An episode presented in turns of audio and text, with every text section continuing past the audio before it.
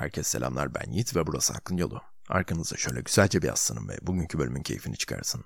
Konumuz romantizm.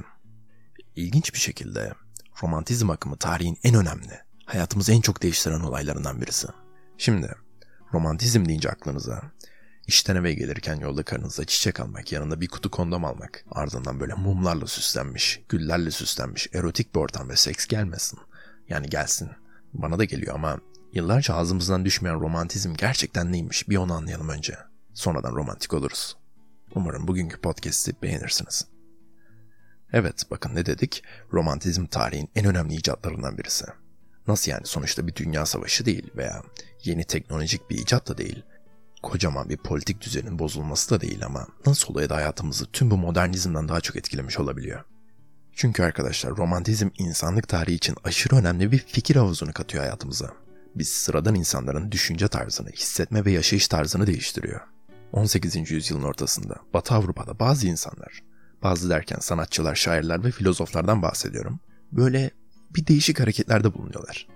Bunu bir dans gibi düşünün. Partilerde herkes aynı modern dansı yaparken bu adamlar çıkıyor böyle bir değişik dans ediyorlar. Bir süre sonra bu dans dünyada çok seviliyor ve dünyanın her yerinde insanlar değişik değişik dans etmeye başlıyorlar. Mesela doğaya bakıyorlar ve vay be diyorlar. Biz böyle değişik dansımızı yaparken doğa ne kadar farklı, ne kadar güzel gözüküyor. Mesela çocuklara bakıyorlar. Önceden ucuz işçi görürken artık uçsuz bucaksız bir okyanus görmeye başlıyorlar. Aşkı daha iyi anlamaya başlıyorlar.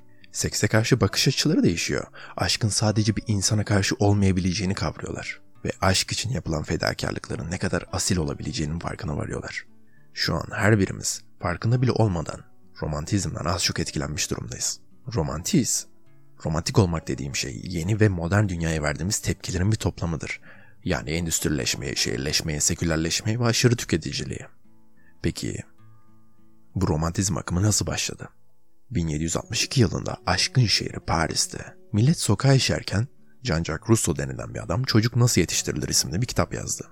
Millete başta anlamsız geldi bu kitap ama ardından bunu okuyan insanların zihninde şunlar yer etmeye başladı.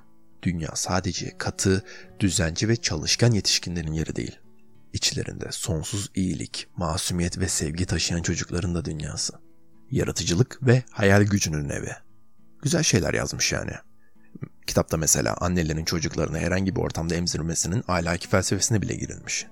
Rousseau'nun etrafındaki dünya yeni icatlarla, yeni teknolojilerle, yeni rejimlerle, kurallarla ve planlarla gelişirken tüm bunlara karşı Rousseau önümüze çocuğu çıkarmış ve demiş ki bu bebe dünyadaki masum olan her şeyin sembolü. En büyük direnişçi. Yaratıcılığın ve zekanın sembolü. İşler burada başlamış aslında. Ardından 1770 yılında Londra'ya gidiyoruz. Bir tane genç. 17 yaşında. İsmi Thomas Chatterton. Bir gün bu çocuk eli kalbinde eski küçük evinde bir şiir yazıyor. Ardından şiiri yayınlatmak istiyor ama hiçbir yayın evi Thomas'ın bu aşk dolu şiirini yayınlamak istemiyor. Bir de üstüne dalga geçiyorlar. Zaten Thomas'ın ailesi çocuğun başarılı bir avukat olmasını istiyor. Şair olmasını katiyen desteklemiyor. Ve bu baskılara dayanamayan Thomas bir gün küçücük evinin eski yatağında son kez kaderine küfredip kendi hayatına son veriyor. Ardından bu olay duyulunca bu çocuğun ölü bedeninin etrafında birkaç kişi toplanmaya başlıyor. Üzülüyorlar, ağlıyorlar ve belki Thomas'ın o gün ettiği küfürleri ediyorlar. Hatta bu küfürleri o kadar sesli ediyorlar ki başkaları da duyuyor ve onlar da katılıyor. Ve en sonunda bir tarikat oluşuyor. Twitter. Diyorlar ki dünya hassas kalpler için bir cehennemdir. O zamanlar Twitter'a yazmak yerine duvarlara falan yazıyorlar tabi. Ama sonrasında insanlar bunu fark ediyor ve diyorlar ki doğru lan yazık çocuğa baksana kendini öldürmüş. Keşke bıraksaydık da istediği şey yapsaydı. Hem bize ne? İsteyen istediğine aşık olsun, istediğine sevdalansın, istediğine şiir yazsın. İşte tam olarak bu düşünce, bu empati yapısı dünyayı değiştiren bir düşünce akımını oluşturdu. Romantizm ezik olanın arkasında olmak, hassas kalpleri korumak ve desteklemek. Aşk, şiir bunlar güzel şeyler be abi. Gel akşam bir yetmişlik açalım. Demiş birçok insan ve ardından rakının eşliğinde çocuğun şiirlerini okurken gözleri dolmuş ağlamışlar. Ve bir tane daha küçük açmışlar. Yani Thomas'ın yazdığı şiirler bir sembol haline gelmiş. Hassas kalbe sahip sanatçı çocuk, zalim ve kötü dünya tarafından eziliyor. Şu an kulağa biraz klişe geliyor ama zamanında Thomas bu tarikat tarafından resmen peygamberleştirilmiş. Ardından Almanya yine o yıllarda bir romanla Göte geliyor. Yani Göte bir roman yazıyor. Romantik bir aşk hikayesi. Hayat kadar gerçek.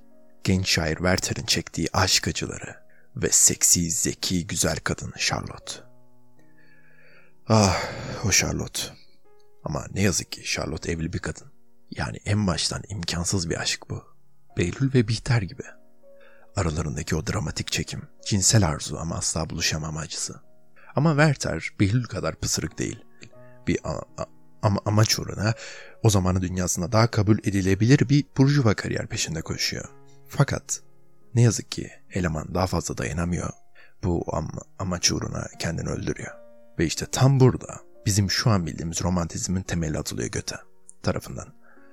Kitabı okuyanlar kitabın yazılışındaki deha sebebiyle ezik ve kalbinin peşinde koşan o olana karşı sempati besliyorlar, üzülüyorlar.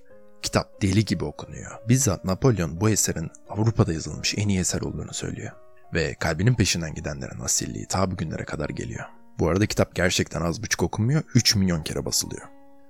Bu hikayenin ardından 1798 Madrid'e gidiyoruz. Francis Goya, The Sleep of Reason Brings Out Monsters ismiyle bir eser çiziyor. Ve bu şekilde romantizme insan mantığının limitlerini zorlayan yeni bir bakış açısı geliyor. Deliliğe duyulan sempati. Şu an aşkının peşinde başka bir ülkeye yerleşen veya dağları delen Mecnun'a duyduğumuz sempati. Yani deliliğe. Ve işte böylece aşk denilen şey uğruna yapılan fedakarlıkların namusu. Madrid'de 1798 yılında koruma altına alınıyor. Çizimleri Instagram profilim Aklın Yolu Podcast adresinden paylaştım. Ve işte bu tarz eserlere de romantik eser deniliyor. Başta söylediğim gibi romantik eser illa ki aşk uğruna yapılan delilikleri anlatmak zorunda da değil. Hatta zamanla romantizm çok ilginç bir hale bürünüyor. Doğal olan, güzel olan ağaçlara, çiçeklere, göllere, kuğulara, ördeklere karşı sevgi, teknolojinin, endüstrinin pis kömürle çalışan trenlerine karşı düşmanlık. Kapitalizmin elinde olan büyük şehirler, iş imkanları, yeni imkanlar ve saati akımlara karşı doğal ve basit bir yaşam akımı. Bu olaylardan 15 sene sonra da İngiltere'de romantizm en güncel formunu yakaladı. İngiliz parlamentosu ateşle yakıldıktan sonra yerine yapılan yeni binada gösterdi kendini. Eminim görmüşsünüzdür daha önce. Bina yeni yapılmış olmasına rağmen mimar Augustus Pugin binayı eski bir bina olarak dizayn etti. Hatta neredeyse orta çağ mimarisiyle. İçerisinde bir sürü orta çağ eseri, ne bileyim şövalye zırhları ve melekler vardı. Bugüne göre yaptığı bina son derece asildi. Çünkü onu görenleri endüstrileşen İngiltere'nin öncesine, insanların para için birbirlerinin üzerinde zıplamadığı, kapitalizmin hissedilmediği dünyaya götürmek istiyordu. Nostalji, romantiktir. Romantizme göre bizi delirten, zihnimizi hastalandıran medeniyettir. Romantizm akımı, teknoloji ve modernizme bakışımızı kalıcı olarak değiştirdi. Yeni dünya teknoloji ve endüstriyle daha mantıklı, daha kuralcı oldukça romantizm, mantıksızlık, egzotik ve çocuksu bakış açısıyla daha hassas oluşuyla gitgide güçlendi. Arkadaşlar umuyorum ki romantizm ve modern dünya bir gün birleşir. İnsanların işte bu fikre verdiği isim de olgunluk çağı. Şimdi gelin e, tarihi bir kenara bırakalım. Romantizm şu an sizin benim hayatımı nasıl etkiliyor? Biraz daha aşksal romantizmden konuşalım. Bakın, romantik template denilen bir şey var. İlişkilerde nasıl davranmamız gerektiğini resmen kurallaştıran bir fikir. Hepimiz yapıyoruz bunu. Tutkulu bir aşk hikayesi, ölüm bizi ayırana kadar, değil mi? Romantizme göre gerçek aşk, insanoğlunun duyduğu sonsuz yalnızlığı gidermenin tek yolu. Sizce böyle mi? Evli insanlar hiç yalnız kalmazlar mı? En iyi partner bizi tüm benliğimizle anlamak zorunda mı? Veya partnerimizi seçerken romantizmin söylediğine göre sadece duygularımızı mı kullanmalıyız? İşte romantizmin bizi aşıladığı bu template, bu ilişkiler aynen bu şekilde. Bence bu neye sebep oluyor biliyor musunuz? Depresyona, aşkı bulamamaya. Bu ilişki ideasını kovalıyoruz, kovalıyoruz, kovalıyoruz. Sonunda ne oluyor? Bulamıyoruz. Ardından romantizmden ödün vermeye başlıyoruz. O zaman ne oluyor? Zihnimizin bir köşesinde asla tamamıyla tatmin olamıyoruz romantizm ilişkilerin pandemisidir. Aşk ve seks her zaman birbirine ait değildir.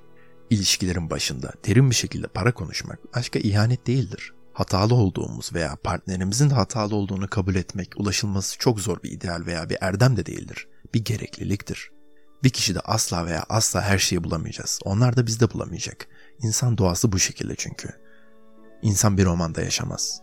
Bu rüyadan bir şekilde uyanmamız lazım. Romantizm gerçeklik değil fantezidir. Oldukça keyifli bir fantezidir aslında ama gerçek değildir. Uyanın dostlarım. Bir sonraki podcast'te görüşmek üzere.